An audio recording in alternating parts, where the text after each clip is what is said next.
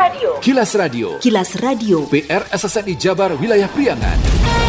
Lembaga Produksi Siaran PR SSNI Wilayah Priangan menyampaikan Kilas Radio.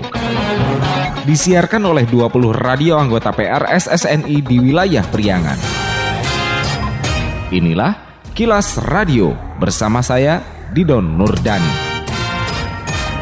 Pendengar, kilas radio edisi kali ini di antaranya mengenai korupsi situ Lengkong Panjalu, Kejari Ciamis tetapkan seorang tersangka, negara rugi 2,24 miliar.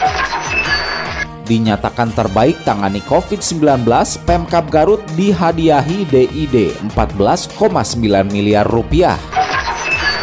Pendengar, inilah kilas radio selengkapnya. Kilas. kilas.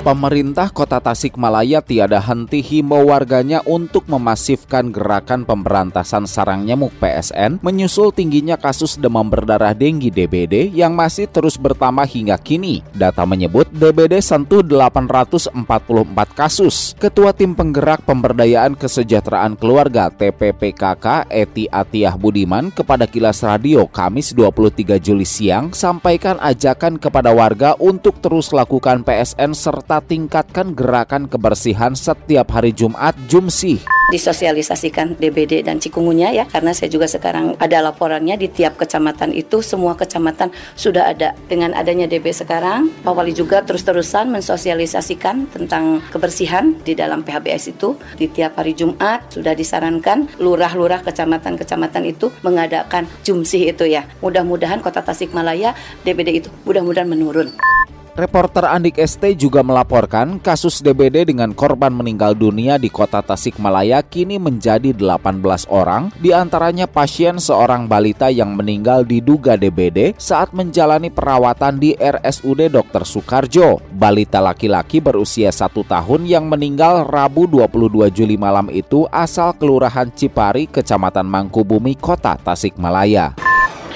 Kilas Radio. Kilas Radio. Kilas Radio. PR SSNI Jabar Wilayah Priangan. Sekian Kilas Radio. Saya Didon Nurdani. Salam PR SSNI. Kilas Radio.